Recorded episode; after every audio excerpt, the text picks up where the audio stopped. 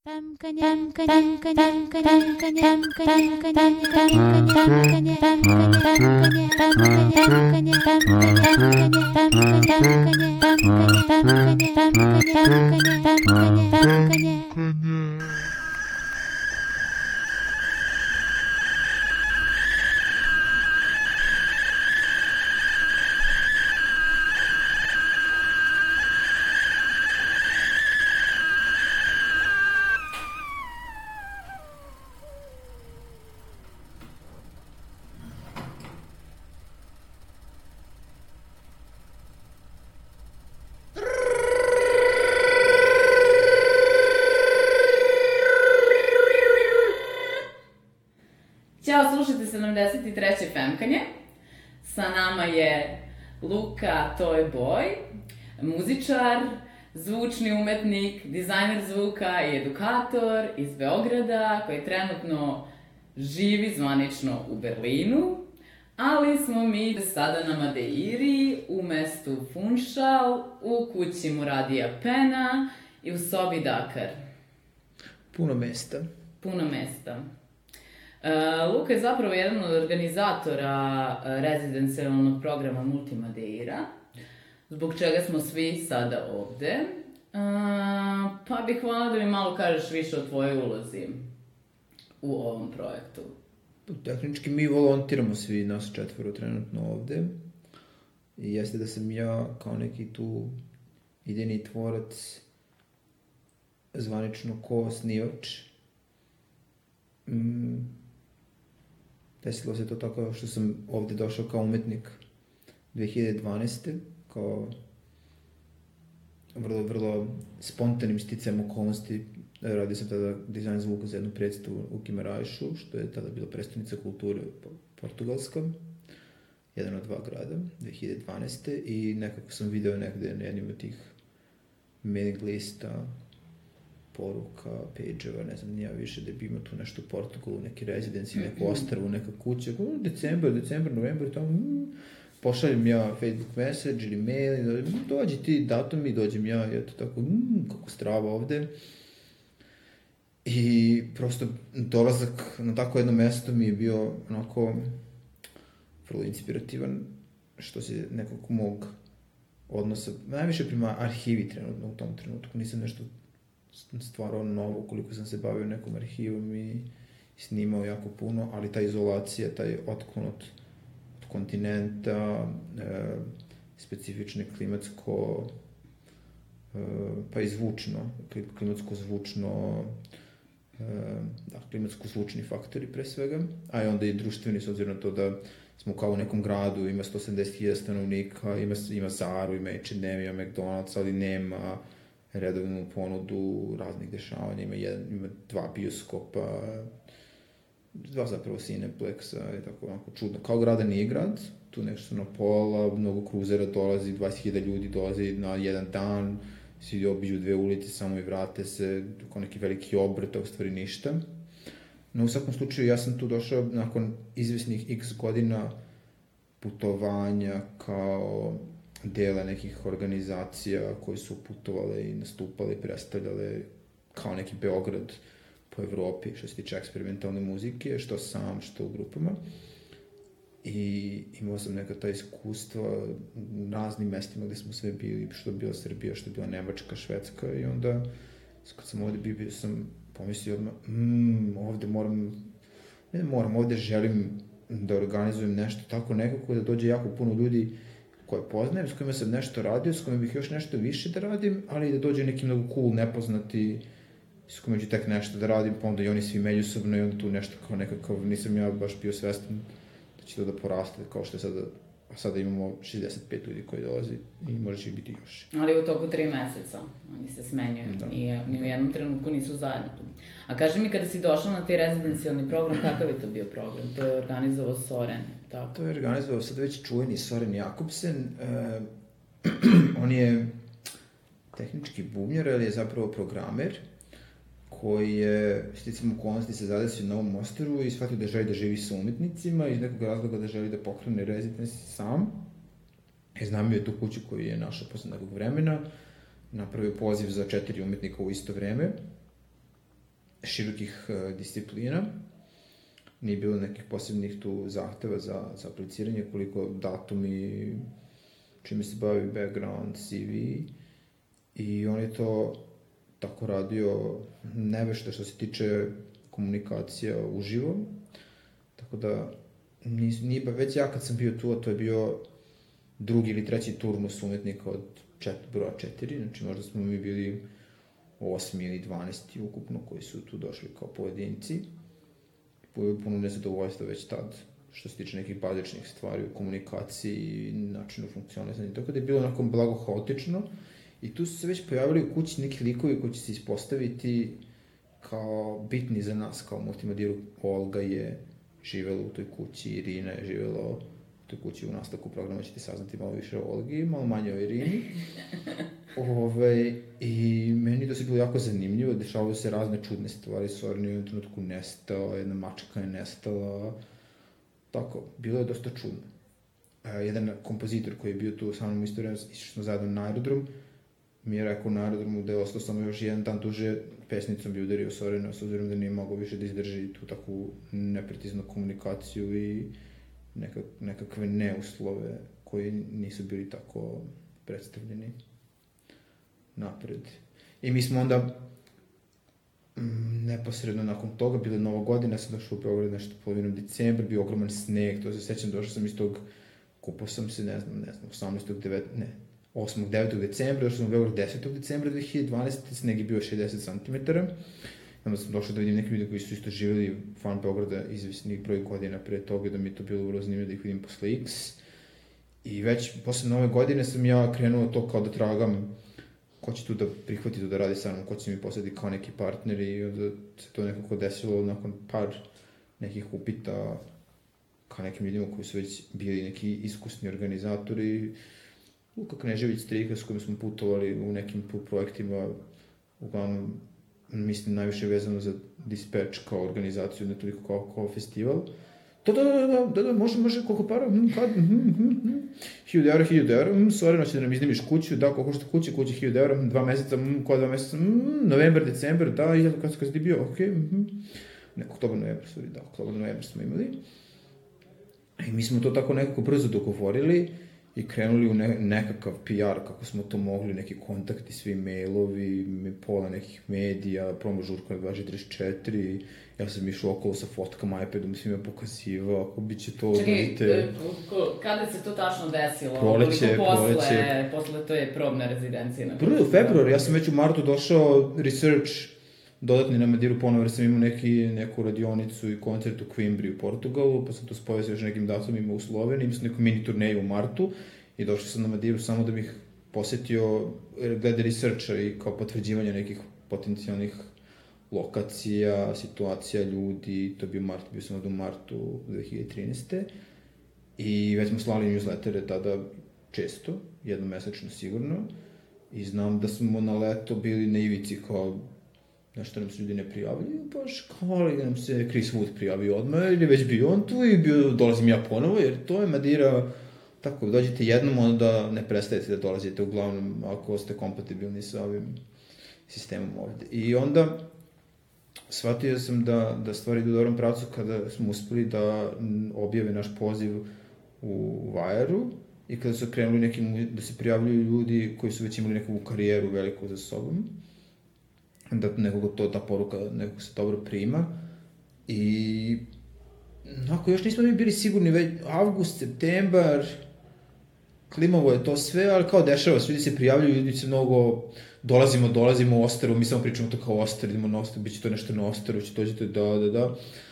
I onda se tako nekako se u poslednji čas spakovalo da smo imali 30 ljudi za dva meseca, zaključno sa krajem novembra, sa 30. novembrom recimo, da, i imali smo 30 i nešto događaja, puno koncerata, puno radionica, tada smo imali i pristup jednom prostoru koji je bio kao neka, koristili smo kao galeriju i kao radni prostor, izlog, pa onda još dve prostorije iza, u centru grada, besplatno sve, to je onako ovde vrlo zanimljivo što Luka Knežević, Driha Bojca stojimo iza toga da ova, ovoliki broj i obim usluga koje dobijemo besplatno i sa velikim popustom ne bi uspeli da dobijemo u Beogradu ni da platimo toliko brzo i u tom, u, u tom ob, obimu. Tako da smo dobili tu uslovnečenu galeriju, besplatno ključ u ruke, nikakvi novci, nikakvi ugovori na dva, tri me, na dva meseca, mogli smo i na duže smo ostajali. Uh, puno još tako nekih situacija se desilo. A koji vam je bio početni koncept? Da li ste imali neki čvrst koncept na samom početku? Gde želite da stavite akcenat kada je rezidencija u pitanju? Kakve umetnike želite? Koji uslovi su potrebni da se ispune? Da Sve, bi sve je to bilo jako čudno na početku. Ja sam to, imam, imam sam neke megalomanske tu ja ideje, s obzirom to da sam da sam već tad imao neka iskustva učestvovanja i delimičnog odabiranja i pozivanja nekih ljudi na neke veće festivale u Beogradu. Tako da sam ja to zamislio da će možda mi uspeti da to napravimo čak i da bude festival plus rezidenci, da će biti nekakav budžet veći, da ćemo moći da zovemo neke određene ljude da nastupaju, pa će da će tu neka publika koja dođe samo kao publika da dođe na ostrovo tu, pa da dolazi zbog tog događaja, a to je neko koje je sve krenulo da se smanjuje, smanjuje, smanjuje i dođe do toga samo da očekamo nekakav projekat, nekakav proposal, nekakvu ponudu za, sa idejom šta, bi, šta je to nešto bi se moglo realizovati sa jednim javnim događajem. Mislim da smo se brzo oko toga složili da očekujemo od svakog dođe da ima se nekako predstavi javnosti ili ima nešto gotovo vezano, vezano za ne vezano, nego nešto gotovo što je nastalo tokom boravka, što može biti predstavljeno na izložbi ili na koncertu ili u nekoj publikaciji. I to je tako krenulo da se odmo, odmotava polako i isto sam imao neki jako dobar osjećaj kad sam uspio da organizujem promotivni događaj u Berlinu, koji je te godine bio jedini promotivni događaj osim promotivnog događaja slash benefita u Beogradu. Tu u Berlinu mislim da je bilo 4. septembra ili 4. oktobra. 4. septembra. A, dobro, pa nije. ne, da mislim koliko je bilo pre. Da li mislim da je moglo još da se ljudi prijavljaju. I tu su se neki ljudi pojavili koji su bili već, recimo okolnosti Berlin ima tu specifičnost da je ogroman protok ljudi koji putuju po drugim mestima i tako Berlin ima jedna od tih tačke koji se uvek vraćaju i sreću i ponovo.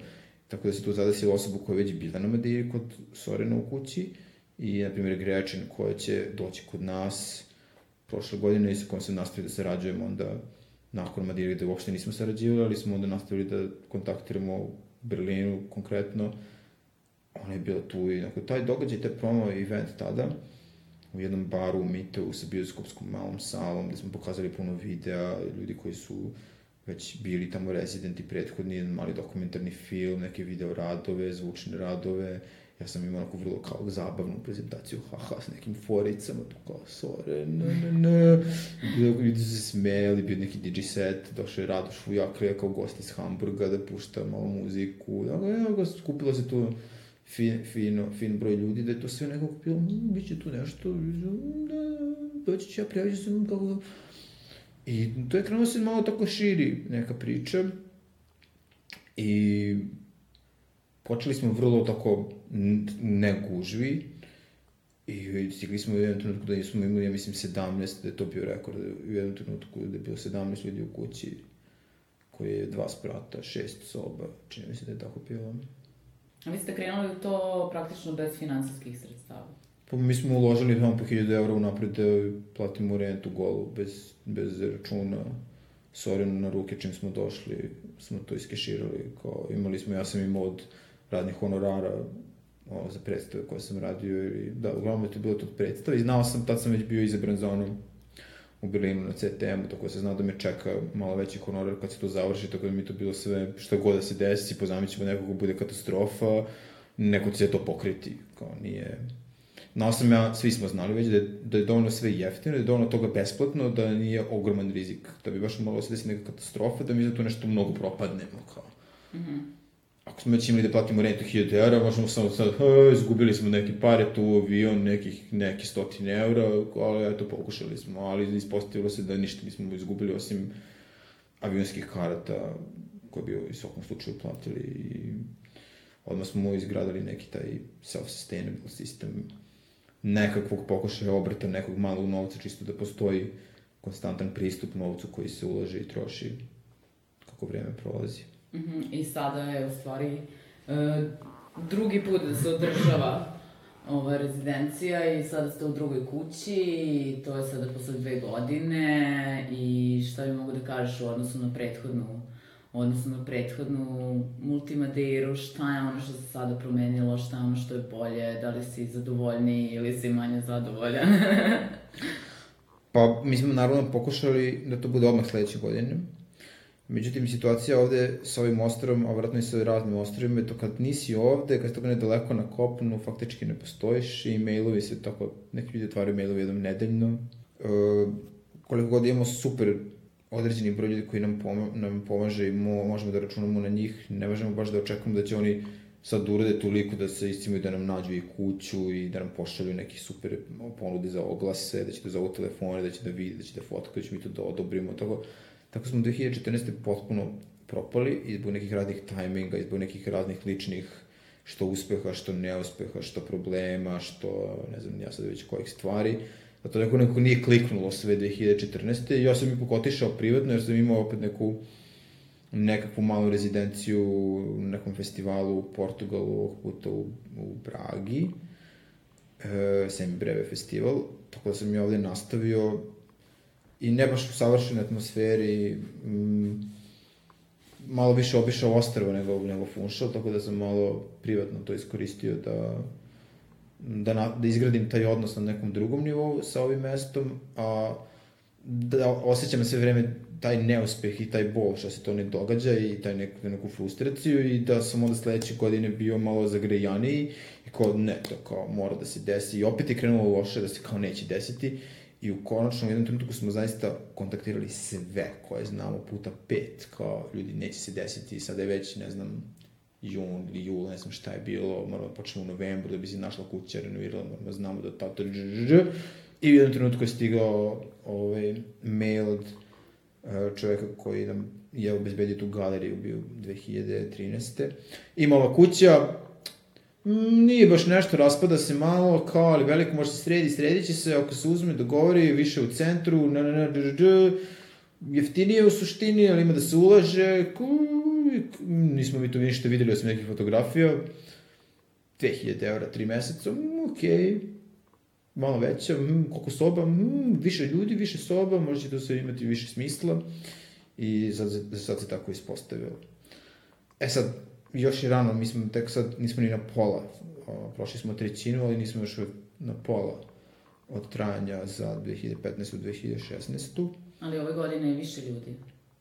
Pa, već je više od duplo više ljudi, ne mnogo, ali tek smo prešli duplo više, uh, e, 60 i nešto, odnosno na 30 i nešto malo, recimo.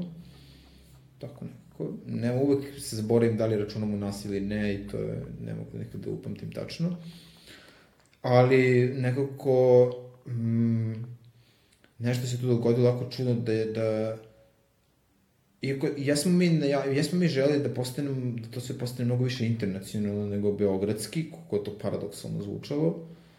Um, s obzirom to da je oko pola ljudi pre dve godine bilo iz bivše Jugoslavije, uglavnom iz Srbije. Uh, a ove godine se desilo da je onako baš puno ljudi se prijavilo iz Hrvatske, iz nekih još uvijek neutvrđenih razloga. Tako je to. Što promocije, što nekih uh, E, preporuka od strane Hrvata koji su bili pre s nama pre dve godine, pa onda te neke, valjda, tamo manje sredine koje tako nekako to mnogo brže i preciznije i, i, i nekako bolje skapiralo da se prijavi tako brzo, nego kako se to u Beogradu sve nešto odlaže u posljednji čas. A što se tiče šire neke situacije, mislim da nisam računao broj zemalja, ali prilično je slično.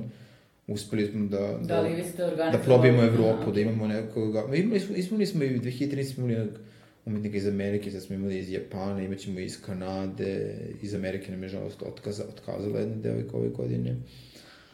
Ali, m, nije da želimo da se to pretvori u, u nekakav XU ili srpsko-hrvatski rezidenci, što je, na primjer, sada baš onako tehnička jedna opasnost u narednih x dana, u jednom trenutku biće velika dominacija uh, srpskog hrvatskog govornog područja u odnosu na ne srpskog hrvatskog govornog područja, nešto mislim tipa 15 naprema 2. A, I zašto misliš da je to tehnička opasnost? Zato što kao neće pričati... Pa e, da, zbog te nedovoljne kulture, e, poštovanja onoga ko ne razume tvoj jezik, a svi razumeju engleski, i onda onako, to je baš raznima u našem timu vrlo bol, bolna tačka sad. Vi još uvek niste u mogućnosti da producirate radove umetnicima i umetnicama koje dolaze. Pa u ograničenim aspektima jesmo, ali vrlo ograničenim. Mm -hmm. S obzirom to da postoji puno opreme, ali što se tiče onoga što treba da se kupi, imamo i vrlo ograničen budžet s obzirom na to da nemamo nikakve sponzorstva, niti apliciramo na neke fondove. Sad smo aplicirali za neku nagradu za e, ovakve projekte koji ne apliciraju na klasične sisteme uh, subvencionisanja. Tako da možda pobedimo na tome, pa onda imamo neke pare tu za neku sledeću produkciju, ovo bilo to sve bizarno. Ali u suštini obraćamo samo novac koji uh, postoji od naplate boravka u kući, koji je 5 eura dnevno za umetnike plus 1, 7 eura uh, doprinos mm -hmm. po jednom dolasku i imamo nekakvu podršku malo finansijsku za one koji se bave muzičkim nastupima, s obzirom da je to jedan bar koji ima koncerte i organizuje svoj festival, pa onda mogu da nam izađu u susret i plate, osnovno rečeno, naše muzičare svojim novcem. Praktično su bolje uslovi, znači, za muzičare nego za ostale umetnike praktično, ali pričamo o 50 eura da, polje. Da, dobro. I to ne nužno, ne nužno, zato što ako nekome postoji, to je, to je čisti honor, ako nekome postoji potreba za produkciju, ja mislim da je vrlo moguće da se desi da neko dobije 50 eura u produkcionim mm. uh, apoenima. Dobro, slušalci i slušateljke mogu da ovi, se malo više informišu na vašem sajtu, je li tako? multimadira.com multimadira.com, tamo se piše, valjda. Sve piše, frequently asked questions, da se prvo pročita, onda da se pošalje mail. Onda se pošalje mail i ovaj, u vrlo kratkom roku dobit ćete odgovor. Da li još uvijek primate aplikacije? Tehnički da. Prvo smo poslali poslednji newsletter, ne znam tačno koji je rok, ali bliži se rok ovih dana. Ovaj mesec je u pitanju roka. Imamo, imamo mesta, ne znam kad se ovo tačno emituje, ali imamo mesta za kraj februara svakako, za nedelju dana poslednjih, možda i za malo više nedelju dana. Ne držim baš sve datume u glavi, nisam poneo onu puškicu sa boravcima. Mm -hmm. Ali da, primamo, pogotovo primamo za poslednje dane e, rezidencije, to je 29. februar je poslednji dan, prestupna godina, prestupni dan, počinje smo zvanično 29. novembra, završimo 29. februara, veliki datumi.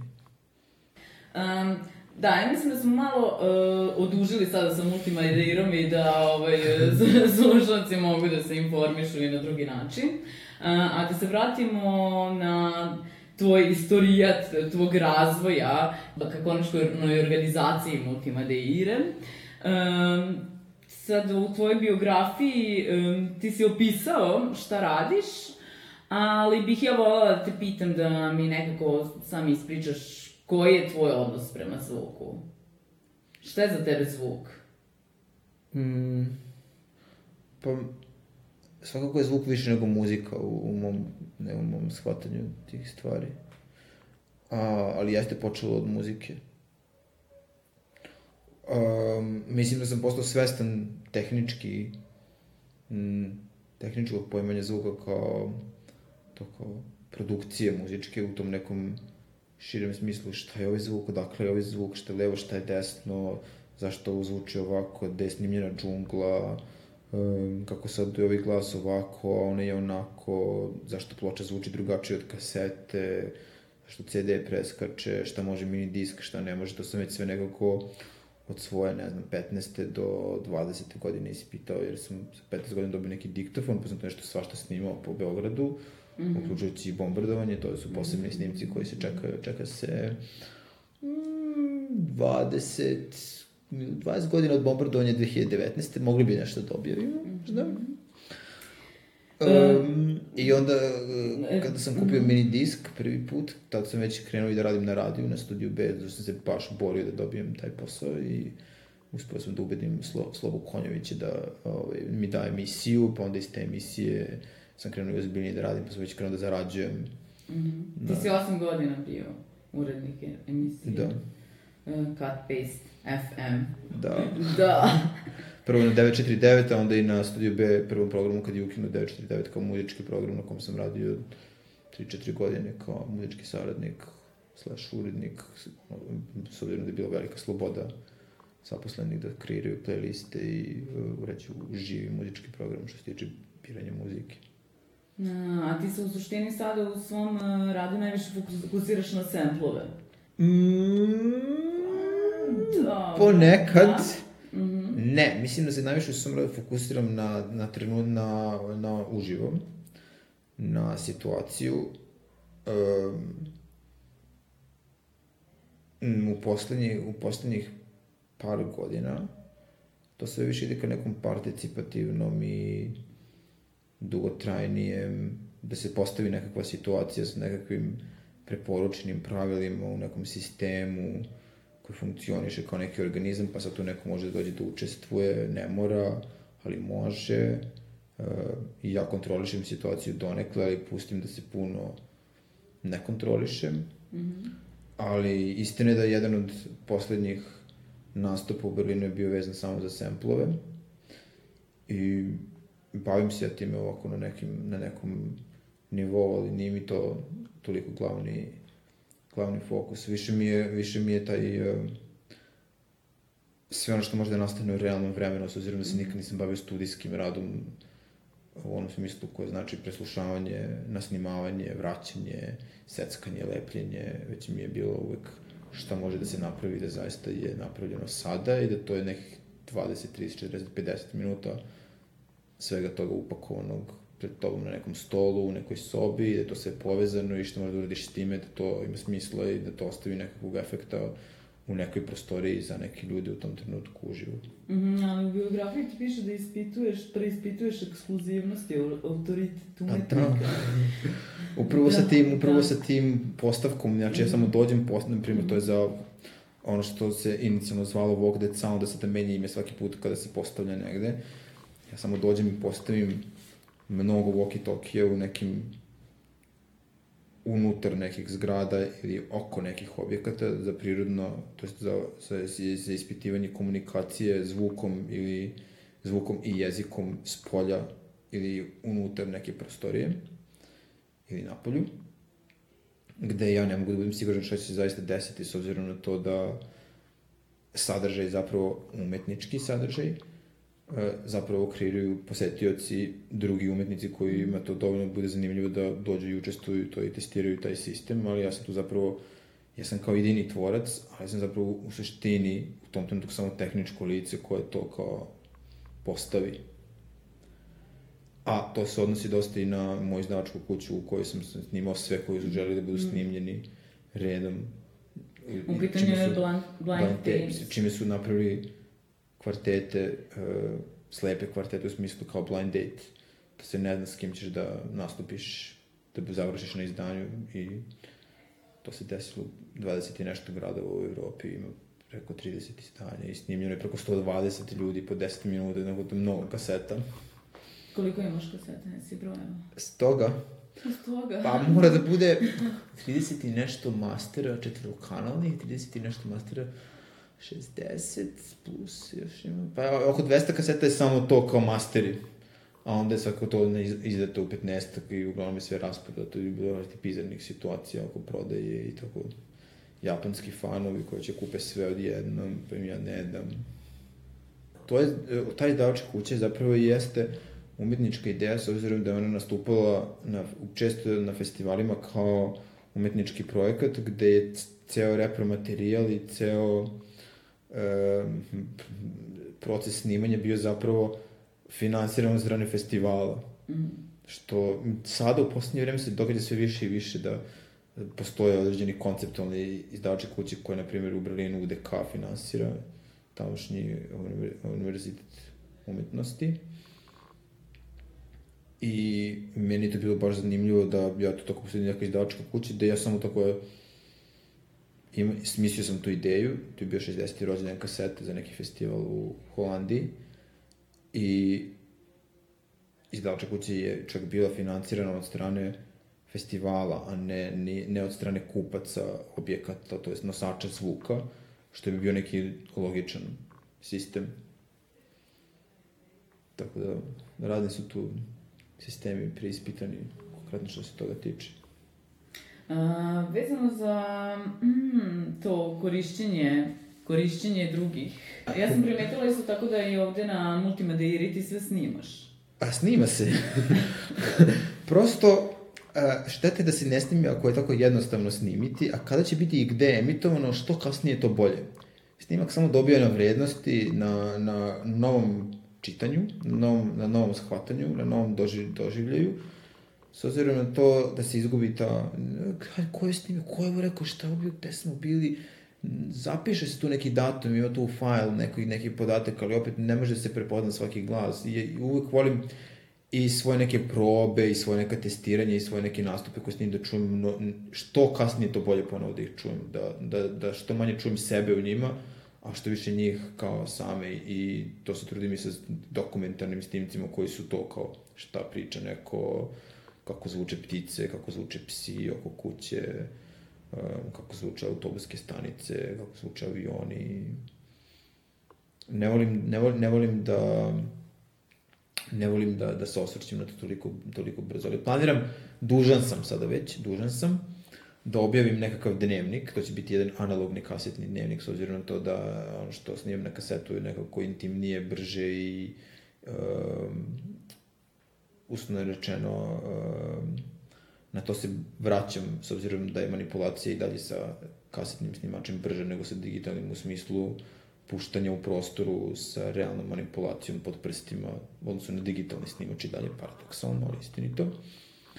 Tako da sam dužan jedan, jedan, jedno neko malo kasetno dnevnik izdanje gde će biti razni razgovori iz raznih gradova, razne šetnje, razni slučajni prolaznici. Tako imao sam baš čudne, čudne, čudne situacije posljednjih nekoliko meseci što sam sve snimio u Albaniji, u Grčkoj, u Srbiji, u na aerodromima nekim, tako neki sastanci, neke poverljive informacije, da ne pričam sad ovde. Da.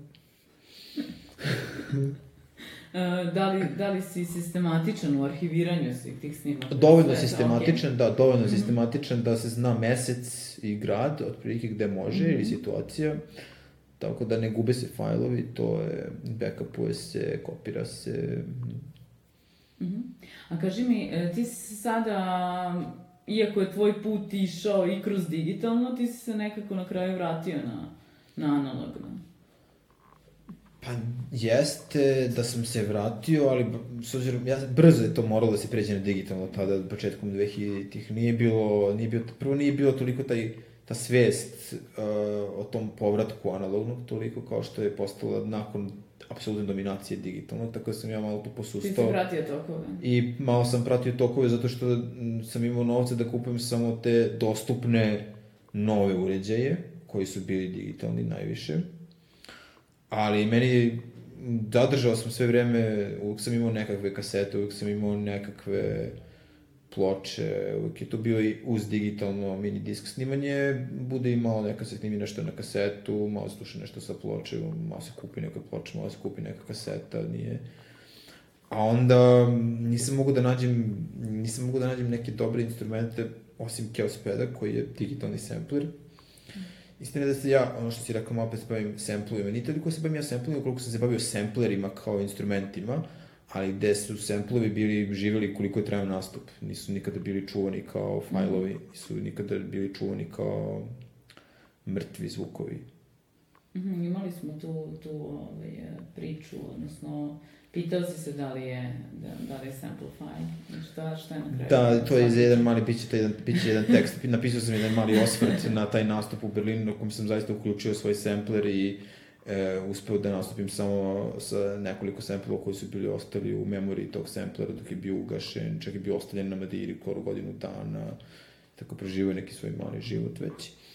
I bit će to objavljeno na mali brošuri i elektronskoj knjižici uskoro, tako da će biti dostupno svima. Mali osvrte na e, fajlove, zombije i tako. Dobro, ti si stvarno um, imao širok spektar interesovanja i sada da vidimo, ti si radio kao novinar, pisao si za Playboy, pisao si za Hooper, Pop Box i tako dalje.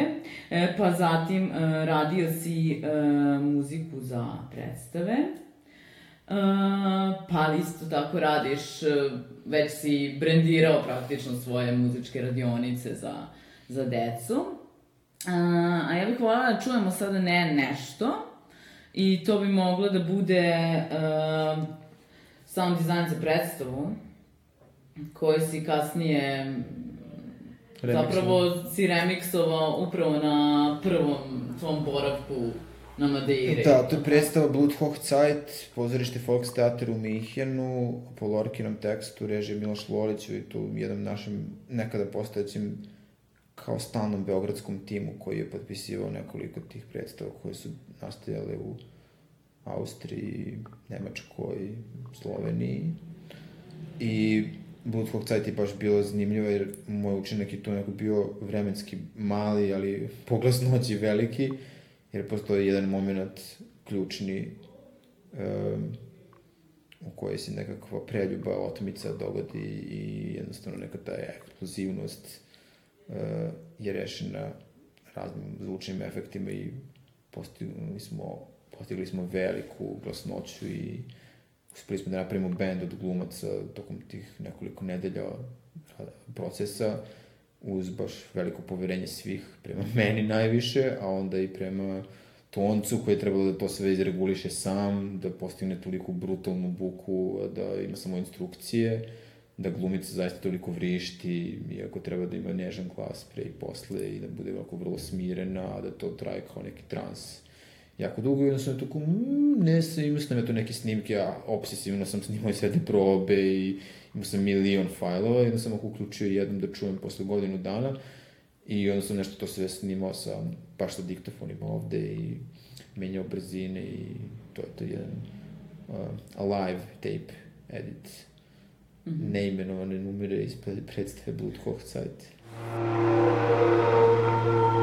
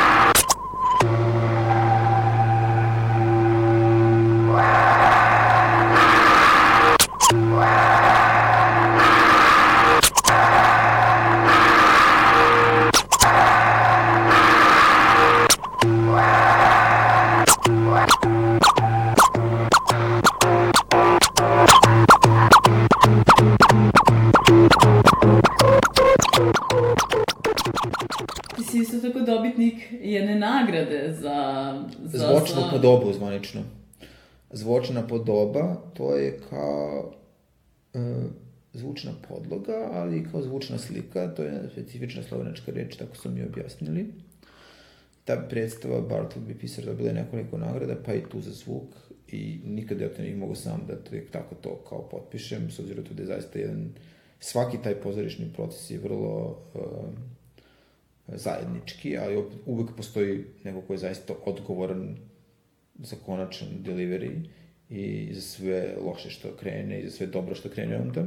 Tako da sam eto ja potpisnik te zvučne podobe i to je onako vrlo analogno bilo, vrlo istorijski, sa istorijskim osvrtom na, na nekoliko puteva korišćenja audio kasete kao ličnog zapisa i kao e, dominantnog muzičkog nosača zvuka i kao dominantnog instrumenta jedno vreme kao magnetofonske trake i sve to prožeto kroz jedan kolaž. A koja predstava je u pitanju? Bartleby, pisar po Hermanu Melvilleu, jedna vrlo zanimljiva pripovetka priča iz 19. veka o, uglavnom o Wall Streetu. Kada si uopšte krenula da radiš sound design i kako se to desilo sa sound dizajnom za predstave? Da li je to krenulo od modnih revija? Kada gledam tvoju biografiju vidim... Ne, to se završilo sa modnom revijom. Baksuzno 2013. Baksuzno 2013. nema više toga svega. Šalim se, e, radni su načini kako je zašlo do toga prestalo, ne vidjet ćemo da li je to dobro ili Vidite loše, je mixed došlo. feelings, a došlo je, došlo je preko Nirvane, došlo je preko um, prve Lolićeve režije u, u, ja mislim da je to zvanično njegova prva režija kao ono za repertoarsku predstavu, mislim da možda njegova diplomska režija, tekst Dimitrije Vojnov, Velika Bela Zavera, m, kako umro Kurt Cobain i sve to i neka prva ideja nam je bila kad je on mene zvao to bilo 2004. godine, znači sam imao 23 godine, imao 25. Mm, radimo to, Dimitrijev tekst, evo ti tekst, mhm, biće to, da, i nema nirvane. Znači, bilo je kao, koristila se neka muzika tuđa i napravili smo puno, puno nekakvih zvučnih rješenja što se tiče baš samog dizajna zvuka, što se tiče neke blago originalne muzike, vrlo, vrlo blago, ali ni korišćena ni jedna numera Nirvane, ni u jednom trenutku, već nešto iz tog vremena, kao puno, puno, u tim godinama još puno se, puno se radilo na nekom, nekakvom izboru muzike koja, koja je tako, s obzirom, mislim da je mene Miloš najviše zvao slušajući moje emisija i jeste, jeste da smo se družili, ali mislim da je to baš žel da podrži moj uh, radijski doprinos. Bile su to vrlo zanimljive godine. Um, I onda jedna predstava ide u drugu, dobro. Mhm. sve veće i sve ozbiljnije, sve luđe, pozorište je vrlo zanimljivo jer se prispituju na tim probama velike slobode i razne ideje mogu da se sprovedu u veli, sa velikim brojem ljudi u vrlo ozbiljnim uslovima. Ogromno poverenje je, je obos, ono, svo, svestrano poverenje i mm, s obzirom na to da nisam baš veliki ljubitelj dnevnog svetla, zatvorenost eh, pozorišne probne sale mi je uvijek bila bliska. Da li su i, i e, da li i dizajn zvuka radiš e, u formi live nastupa, live improvizacije, s obzirom da znam da e, mrziš da edituješ. Da, najviše se radilo uživo, naravno, naravno u jednom trenutku mora dođe taj dan kada nešto mora da se edituje, ali uglavnom tada postoji i nekako tehničko lice za ovaj, bržu realizaciju svega toga. Nekada ja to moram sve sam da radim, nije da uživam u tome, ali pro, sam proces uglavnom, da, sve ide, nikad nisam donosio ništa gotovo pripremljeno, uvijek je to nešto ovako se proba malo negde, pa se donosi glumcima, pa vrlo često je to bilo išlo ka tome da glumci stoje za tih zvukova na bini na ovaj ili onaj način, ili u neku ruku onda tonac bude sa njima, kombinacija tonac plus glumci. Hajde ovaj, na- da pomenemo i ti band Skik.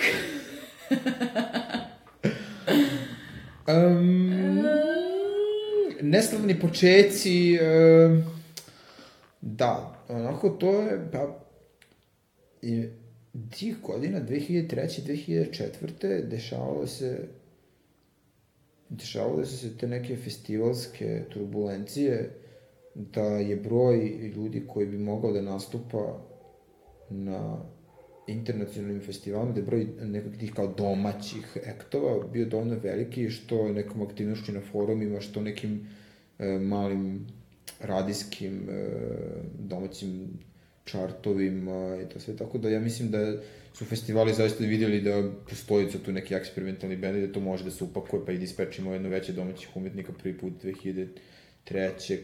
To mislim bio drugi Dispatch festival, pa je Exit, uh, Kuda.org, i su imali stage na Exit 2004. i mi smo tu sve bili kao usno rečeno bendski koji je promenjao svoju formu bio uglavnom, tada se uglavnom bavio samplovima i manje sintetizovanim uživo, nego više to kao snimanje field recordings, obrada tih samplova, njihovo slaganje u vremenu i onda ovako i onako.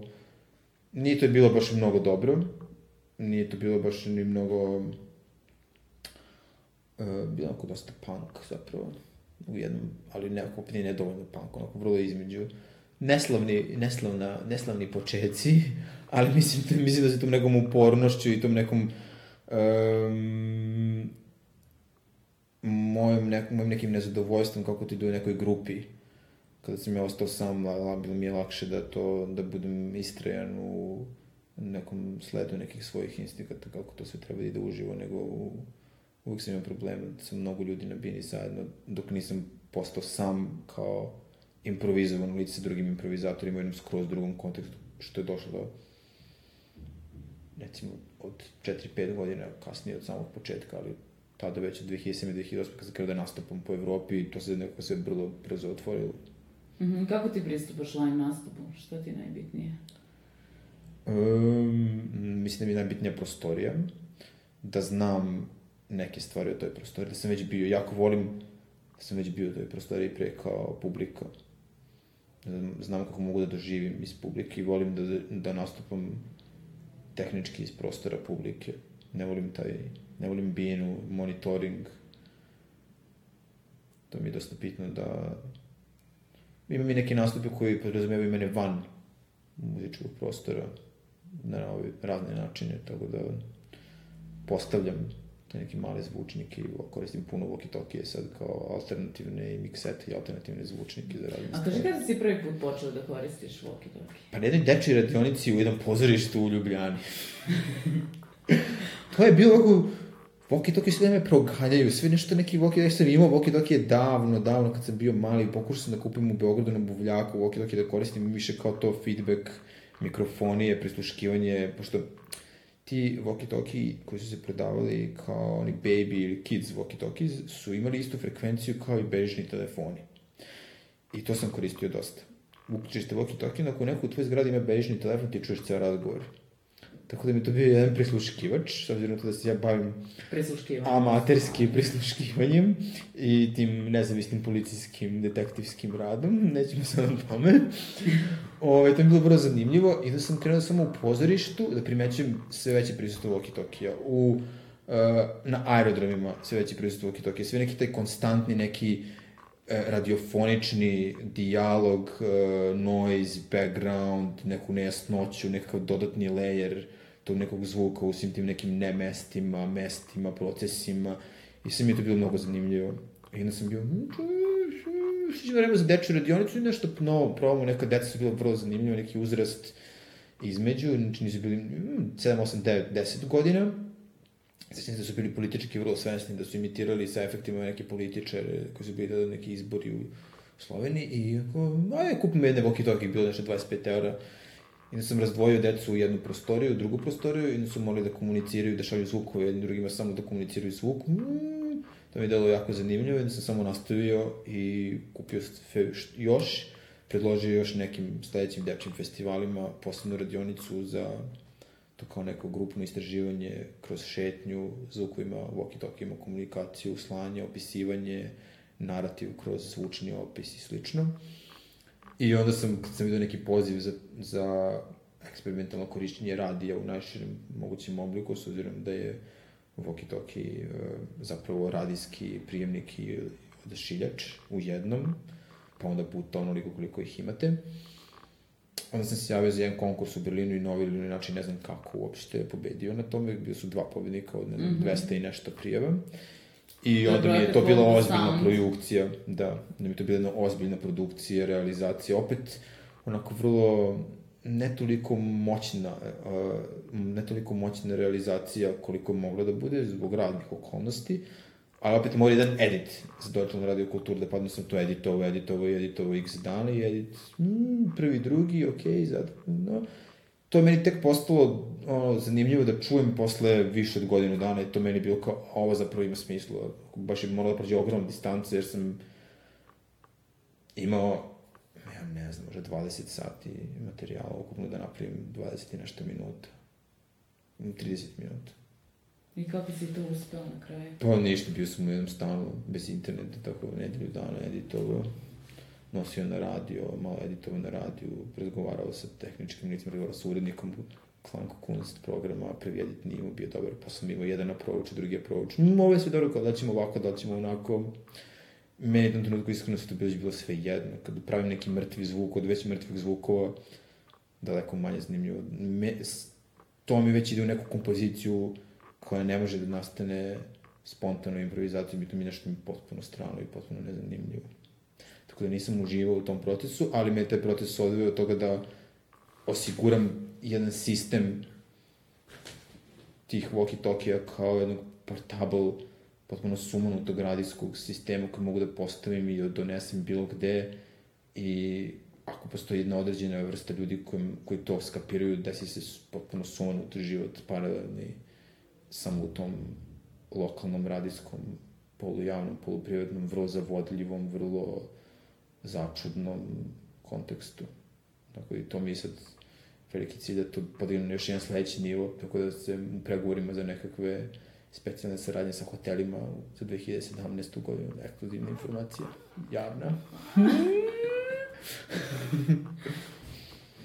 A možeš li da probaš nekako da um, postaviš uh, odnos svih tih stvari koje, koje radiš, da ih postaviš u nekakav odnos. Radionice, live nastupi, dizajn zvuka za predstave, organizacija, uh, rezidencijalnog programa. Pa, organizacija mi je tu odmor od svih tih da. ideja. Da. To mi je onako baš da se odmorim, da ne moram da budem kreativan, a da sam svestan tuđih ideja i da pomažem da se te ideje realizuju i uključim taj administrativni moj odeljak vidimo rok, komunikacija, prijava, deadline, kako mora se napiše, kad se objavi, ko će šta da uradi, podela rada, ograničene organizatorske sposobnosti koje imam, mislim da tu koristim baš kao veliki odmor od svih tih to kao da li će nešto da uspe na bini, da li sam zadovoljan nekim snimkom, da li sad ja to mogu da iznesem, da li ovo sviranje ima smisla, nešto uopšte ne razmišljam ništa to on, ponekad nešto ako snimim, probam dokumentarno snimanje, ne računam bilo šta kreativno u tom smislu. Tako da to vrlo razdvajam, totalno razdvajam.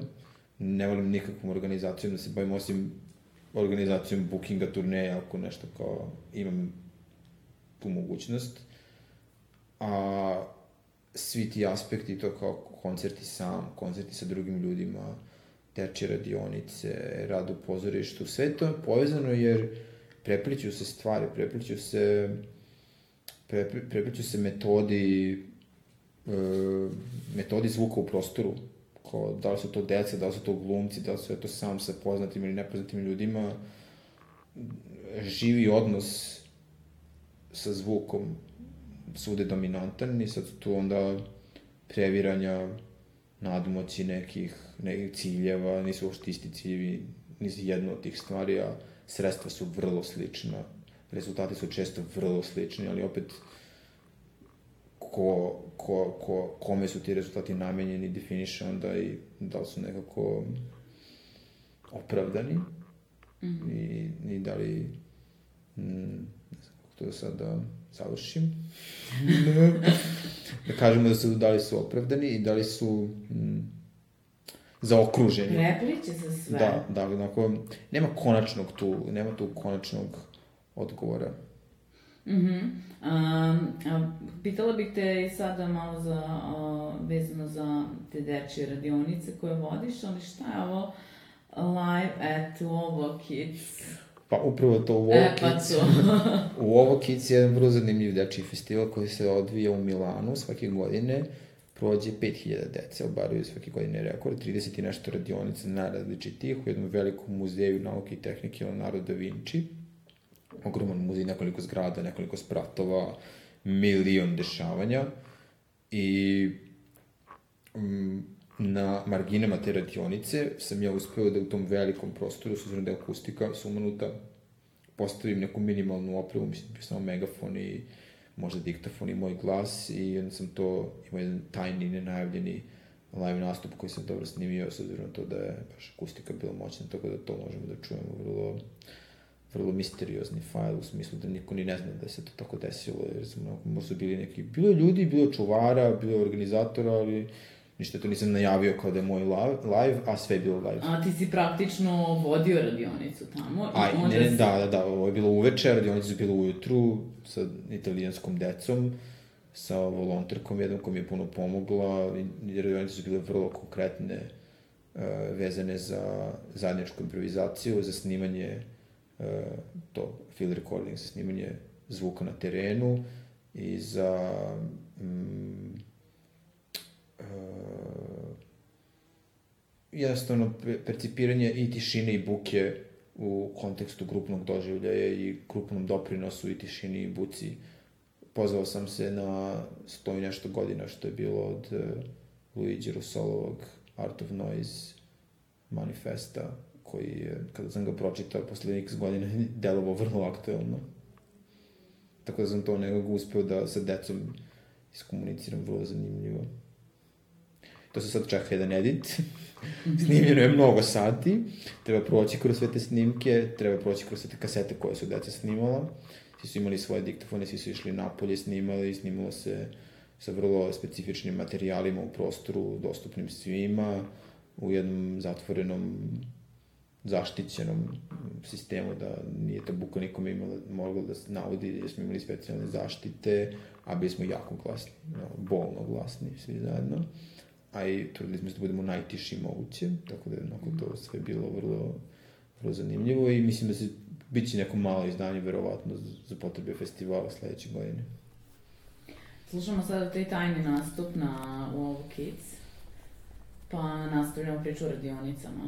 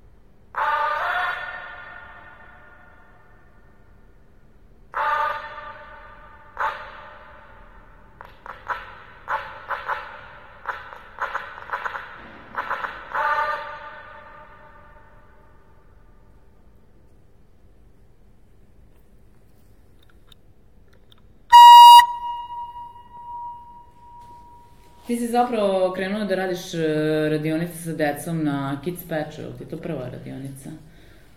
Zapravo ne. Zvanično je prva radionica bila u Poljskoj 2008. 3-4 meseca pre te mm -hmm. uh, pre te u Beogradu na Kids Patchu u oktobru 2008.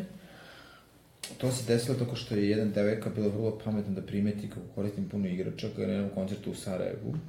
Ona je bila Poljakinja, da me je pozvala na nekakve dane nečega balkanskog u Poljskoj, gdje to je podrazumevalo i neki moj koncert i tu radionicu. I sad ta radionica nije baš bila skroz realizovana zbog raznih tehničkih problema, ali je bila koncipirana, prilagođena i e, postavljena u Varšavi e, 2008. a onda i u Beogradu iste godine na, na Dispeču, kada je Dispeč imao Dispeč dan, kada još nije postao kao poseban festival redka prilika da, da sam uspio da doprem do politikinog zabavnika kao intervjuisani. Mali uspeh. Uh mhm. -huh. I onda si ti nastavio sa tom serijom radionica koje i dalje radiš, tako? Pa, bilo mi je to vrlo zanimljivo jedno vreme, baš, zato što sam uspio da uh, pogodim trenutak vremena pre nego što je iPhone postao dominantan uređaj. Uh, da se najviše bavim e, koristi, da se najviše bavim e, tokom tih radionica sa tehnologijom koju zaista deca koristi. A to je bila Nintendo DS konzola za igrice, koja je imala vrlo zanimljive tehničke mogućnosti da bude muzički instrument, jer imala svoj mikrofon uh, i puno muzičkog, muzičkih programa uh, zvaničnih od strane Nintendo, potpisanih, to distribuiranih, uh, onda i ogroman uh, community, underground scenu, homebrew, uh, muzičkih softvera koji su ono, mogli samo da se kopiraju ako imaš neku posebnu karticu.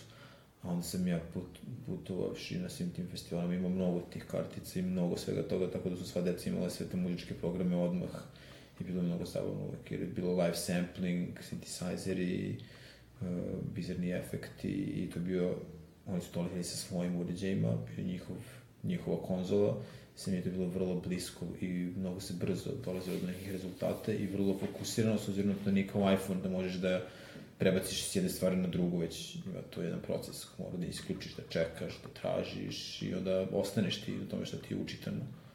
Dosta je old school princip odnosno na iPhone, i onda već kad su došli na iPhone i iPad i to meni lično nije bilo toliko zanimljivo, ali znam za vrlo dobre rezultate korišćenja iPada kao muzički instrument za nekakve dečije radionice i tinejdžerski media lab pristup. A ja sam onda nekako sve više krenuo da kombinujem sva ta neka svoja iskustva i da uvijek imam e, neke nove serije radionica koje onda da sad imaju neki svoj život kraći ili tuži, odnosno na to koliko budem ja zadovoljan i inspirisan rezultatima ili koliko budu festivali svesni, nesvesni, zadovoljni, radoznali da probaju sve te nove serijale. Tako je bio serijal sa Walkie Talkie-ima i sad mm. -hmm. novi, najnoviji serijal sa čudnim predmetima i sa Šta to znači sa čudnim predmetima? Pa to su čudni do, obični predmeti kao poklopci olovaka, mm -hmm. kao Um, A to ovaj, vezano za real-time samplovanje različitih predmeta? Um, ne. Ne. E, to je vezano za uh, grupisanje, uh, razgrupljavanje i uh,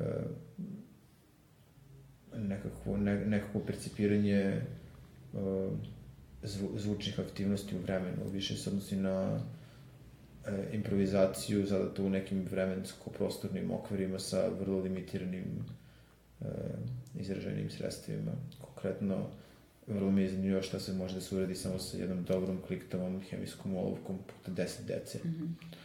I mislim da i deci zaista zanimljivo, jer prosto se zbune kada shvate da ne mogu da urade nešto što im deluje vrlo jednostavno, tipa da rade dva različita ritma, jako brzo pa jako sporo, pa da čuju svi jedni drugi, pa jedno dete pa njih deset, pa radi kombinacije svega toga i kako to sve zvuči, onda je vrlo zanimljivo. A on se još doda velika buka nekakvih škripavih stolica na sve to, pa onda kako se odnose prema buci, kako žele da budu glasni, pa im smeta da budu glasni pa mi smeta ako je neko drugi glasan, da oni nisu glasni, pa onda ceo taj sistem improvizacije u, u vrlo bučnim e, okvirima, a onda sa zaštitom, pa se sa zaštitom manje čuje to što se radi.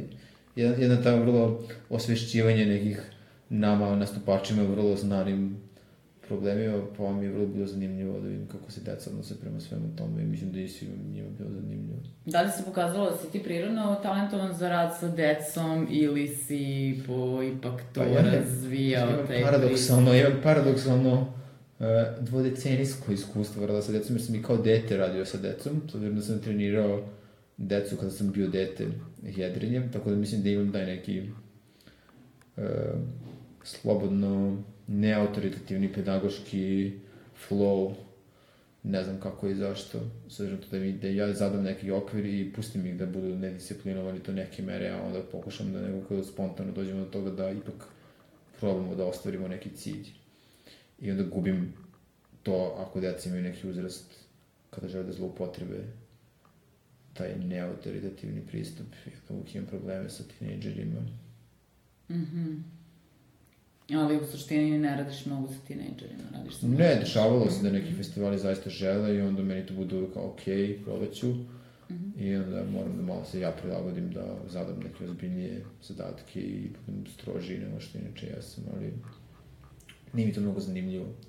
Ima taj jedan, pošto sam već uh, pro, proveo kroz svoje šake u abstraktnom smislu nekoliko stotina dece širom Evrope, pa čak i u Sjedinjenim američkim državama uh, imate jedan moment koji je čak, mislim, i dokazan u nekim velikim istraživanjima, kada taj koncept coola, šta je, šta je cool, šta više nije cool da se radi pred nekim drugim, što se tiče tog nekih dečijih godišta, 9, 10, 11 godina i to je to nešto, kao oko 10 godina već malo je blam da nešto radiš pred drugima, a raz, za razliku od deca koji imaju 6, 7, 8 godina, gde sve cool, sve ludo, što luđe, što blesavije, što slobodnije.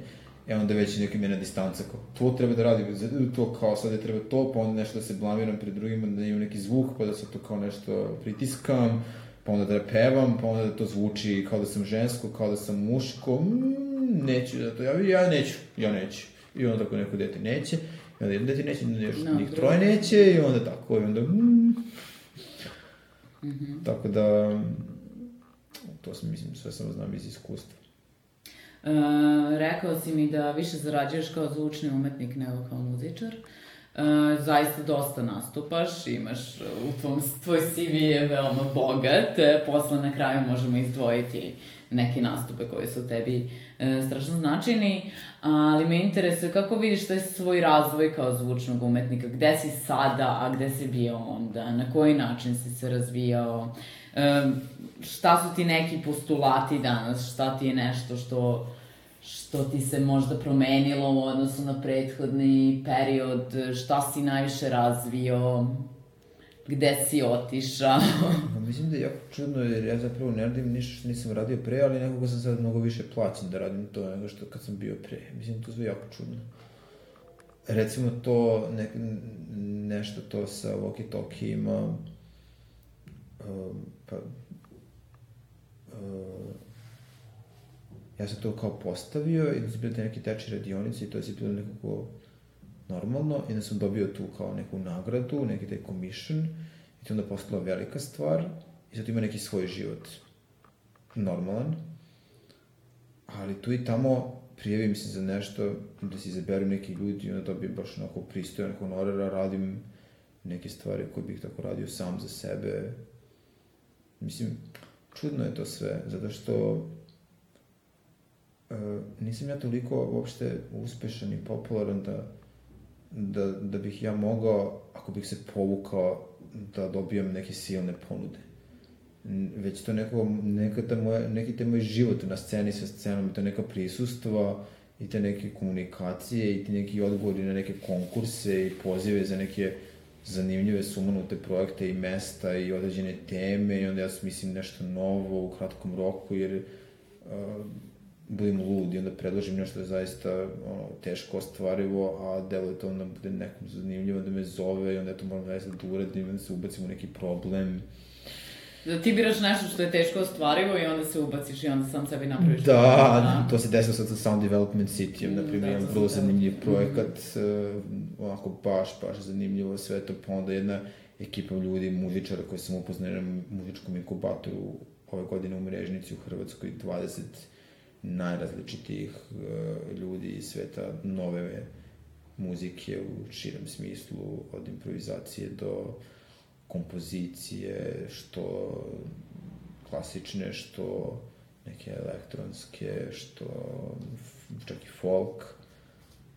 Iz najrazličitih delova Evrope, sumanuta ekipa četiri dana nekog potpuno internog rada, bez publike, jako čudne stvari se dešavaju, tako da, to... Tamo si se pojavio i sa Sekirom. Na... Da, tamo sam nastupio i sa Sekirom da. na Bini i to je onako izazvalo razne... Da li si to radio da bi skrenuo pažnju na sebe, da bi ovaj, uspešno nastavio svoju To je bilo jedno takmičenje, to je bilo jedno takmičenje u skretanju pažnje na sebe u različitim mogućim žanrovima što se tiče svih tih ljudi tamo, ni za koga osim samo za sve nas. Jedan od najčudnijih, u Sound Development City ove godine svakako nešto najčudnije grupno iskustvo u kojem sam učio tako što sam poslao neki mail, sam video, ako ćete se prijaviti tu nešto neki ljudi u mrežnici, četiri dana, nema nekih para, ali mnogo je zanimljivo. Mm, koji su datumi? Mm, između, između Milana, između radionice, između ovih koncerta, mm, okej. Mislim, mislim to, to je, ono što sam shvatio da mnogi ljudi koji recimo su u nekoj sličnoj uh, situaciji kao ja, uh, ne investiraju svoje vreme i ne investiraju svoj neki potencijal u određenu ponudu, koja je tražena da bude ponuđena. Znači nije ponuda iz nule, nego već ponuda kao odgovor. I onda tako ljudi ne pošalju neku svoju sumanutu ideju i onda ta ideja koja bude jako dobra uopšte nikad ne bude realizovana samo zato što oni ne pošalju. Mm -hmm. I zato ja se trudim da šaljem tu poruku da i dalje mislim da treba slati na pozive e, odgovore sa sumanutim idejama i mislim da se time kupuje ta neka sloboda Uh, mislim, jeste to malo treba problematično. Naći, treba naći jeste to malo opet... problematično da. jer, jer, jer su ti neki projekti definisani nekakvim temama, nekad nekakvim prostorima, nekakvim ograničenjima, ali opet mislim da se desi više nego dovoljan broj situacija kada bi neko mogu da uradi nešto što baš e, bi, ne, da uradi nešto na neki način na kojem bi baš želeo bez kompromisa i da bude jako dobro plaćen za to. Uh, opet e, primetila sam da ti imaš dosta, dosta sveže ideje i na Sound Development City si takođe imao Lucas Taxi koji je ono bio poprilično ovaj, e, sveži, možda, uh, da kažem, u najmanju ruku dinamičan, s obzirom da si ovaj, iznajmio kombi sa zajedno sa vozačem koji ono, je profi vozač, ne, nema veze sa zvukom i koji je bio izložen uh, live improvizacijama po ceo dan, šest dana. Da, ja sam čak želeo da bude 24 sata dnevno, pa da imam neke zamene mene ili da spavam u tom taksu i mi to nisu dozvolili.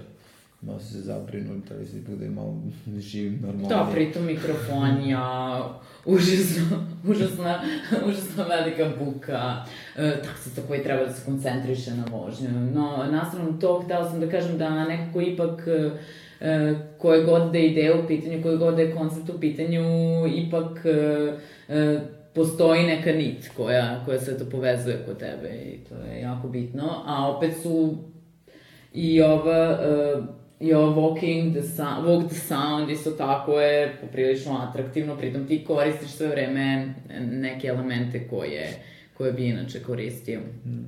Um, a, kaži mi sad, uh, pišu ti u biografiji da si sada fokusiran na istraživanje alternativnih metoda slušanja.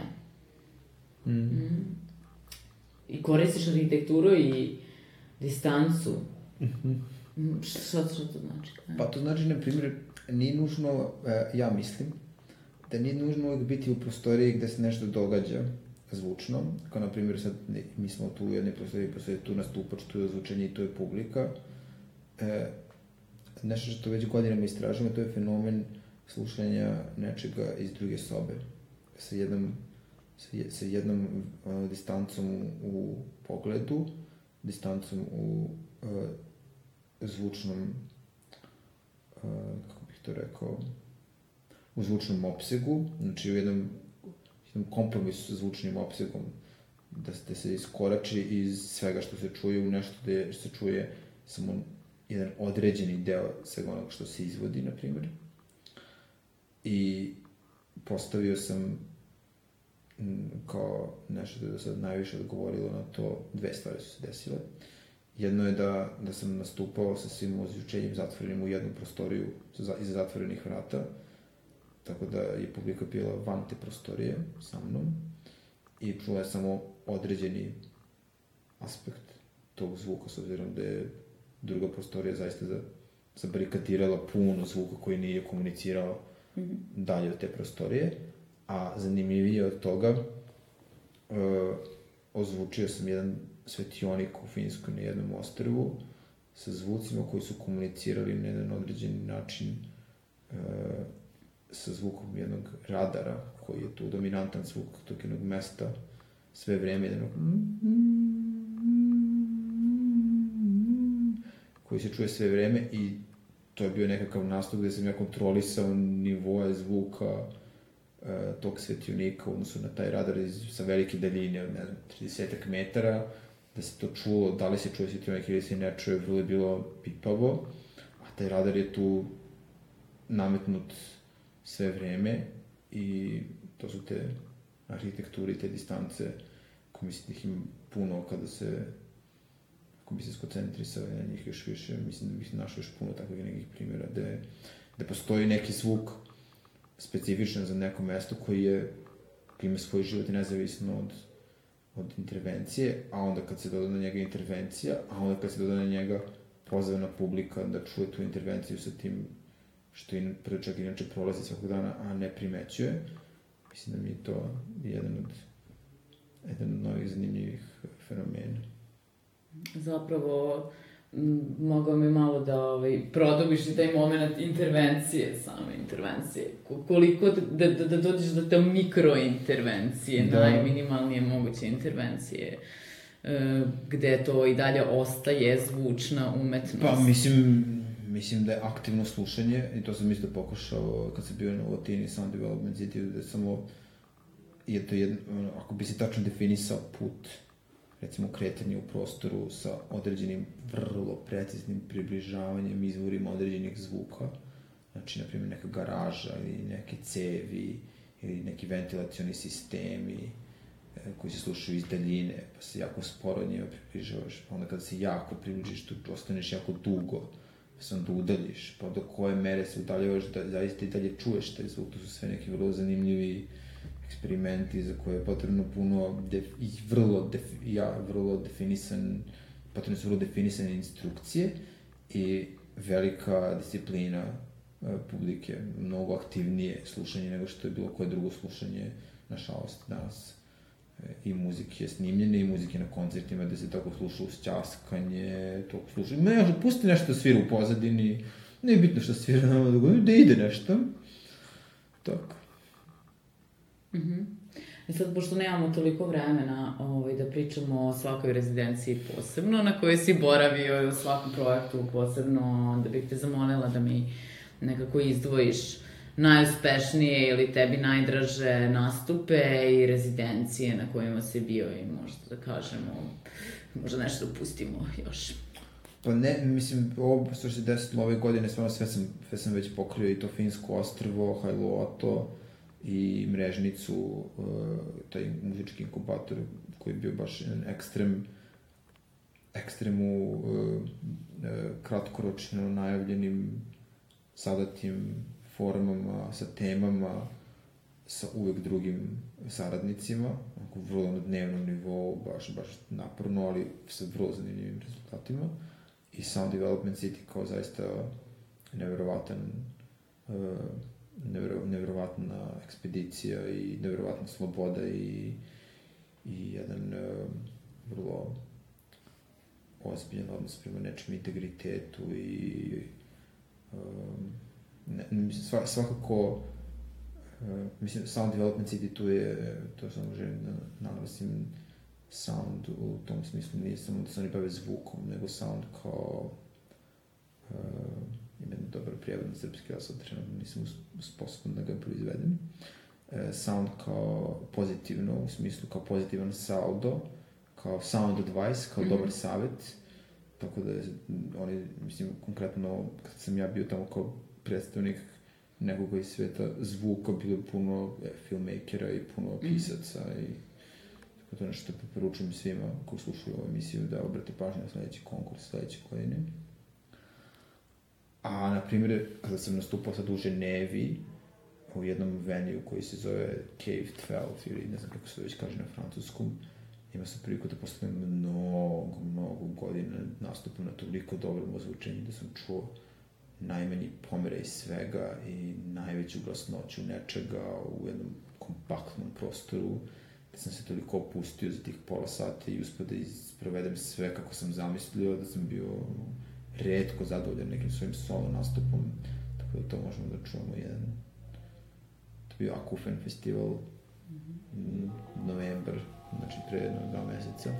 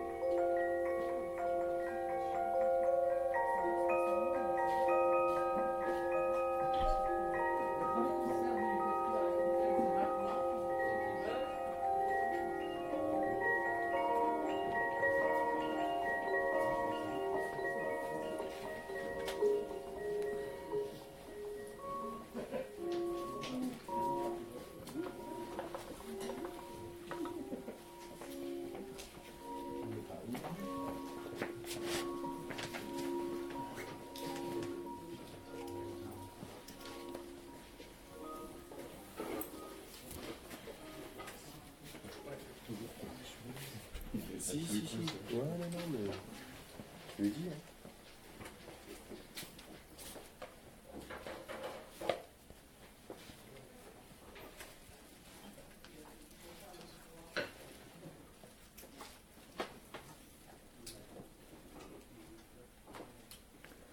Is there an opening speech? Yeah. Okay. Thank you.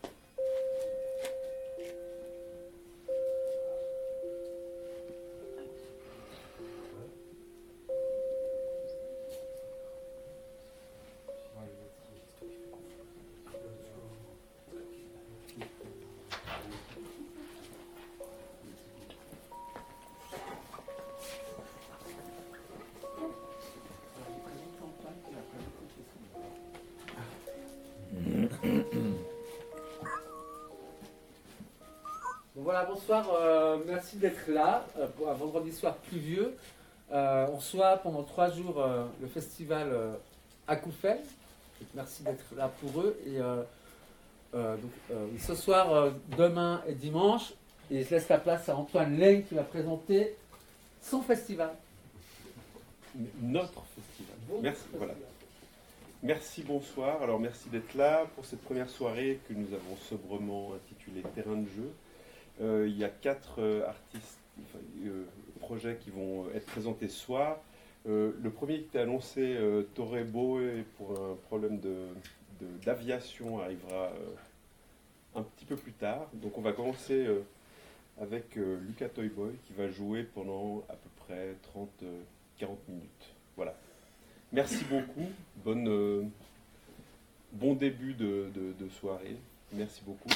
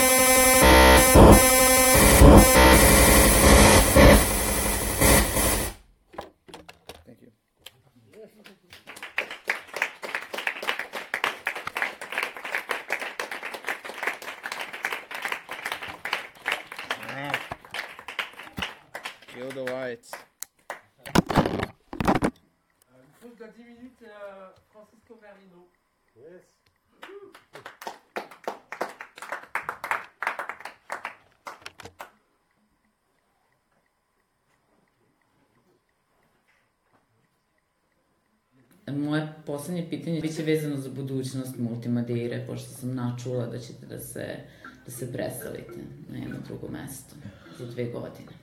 Ne, ni načula se i delimično. E, Naš cilj je da svake druge godine budemo ovde, ali da u nekim periodima, to je trenutno cilj, organizujemo ovako nešto malo drugačije na nekim drugim mestima, da ne bi samo se zakucali za jedno ostrvo, ali ostajemo na ostrvima, tako da planiramo jedno istraživačko putovanje na Island u aprilu ove godine sa ciljem da nekada kasnije, e, nekada 2017. a pre jeseni 2017. napravimo nešto slično ovom, ali u nekom verovatno manjem, a opet e, kompleksnijem formatu.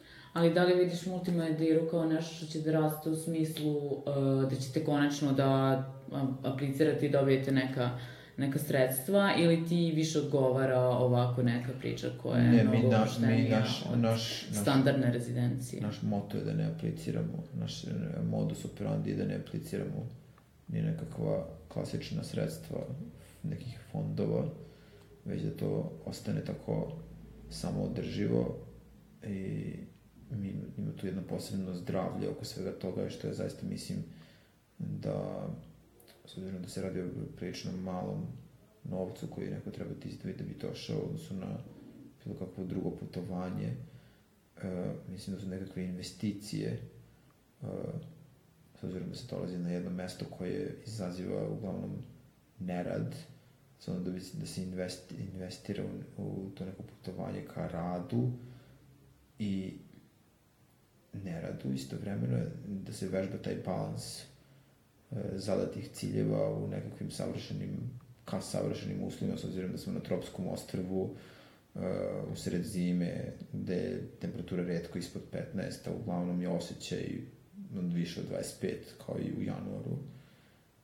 I ta neka borba za ispunjavanjem, za, za, za predstavljanjem i stvaranjem nekog sadržaja u takvim nekim uslovima, a opet da se, da se uživa u životu u najširem mogućem e, smislu te reči, to mi je vrlo e, zanimljivo kao cilj. Znači, jedna strogoća, jedna strogoća javnog izlaganja novonastalog grada u, uz e, sveobuhvatni e, nekakav hedonizam. To je okej. Okay. Dobro, i pošto sada moramo da završimo naše femkanje, inače bih ja ovaj, sa Lukom još pričala najmanje tri sata. Ko će to da sluša, ko će to da montira? ko, je, ko je publika femkanja? Intervjućat ću i ja tebe, ima, ima ovaj, uh, bit će prilike. Biće prilike. Uh, šta slušamo za kraj? Za kraj slušamo, eto, vratit ćemo se na to ostrvo u Finskoj, na kome sam bio uh, rezident leto prošle godine, 2015. I jedan od uspeha te organizacije koja je domaćin te rezidenture je jedna stalna uh, akustična skulptura jednog nemačkog uh, arhitekte mladog koji je svestan akustike puno. I to je tako otvoreno svima da dođu i da koriste kao muzički instrument, uslovno rečeno, reaguje na neke određene uh, tonove. I ja sam tu došao sa svojim uređima koji rade na baterije i proveo puno sati, možda čak i nekoliko puta, boreći se sa komarcima i nekim random turistima. Ima jedan vrlo zanimljiv moment kada uđe puno ljudi ne priča nešto na finskom i sve to snimljeno. I to je sad jedna improvizacija u tom prostoru, vrlo akustički posebnom. Vidjet ćemo kako sad koji deo ćeš izabrati. Da, snimak traje dva sata. da, to je samo jedan od tri. koji sam dobila To je samo jedan od tri iza, izabranih, pošto je snimljeno sa različitim mikrofonima, različitih pozicija, pomerajući mikrofoni, ne pomerajući mikrofoni. Eto, iza, izaberi nekih um, x minuta od tih dva sata. A jednog dana će to biti negde nekada dostupno i većem broju ljudi nego tebi. E, Slušali ste 73. Femkanje, sa nama je bio Luka Toy Boy, e, muzičar, e, zvučni umetnik i edukator. I isto tako jedan od organizatora rezidencijalnog programa Multimadira. Nama je jako žao što nismo uspeli da snimamo Femkanje u sauni, ali svakako nam je divno ovde na ostrovu.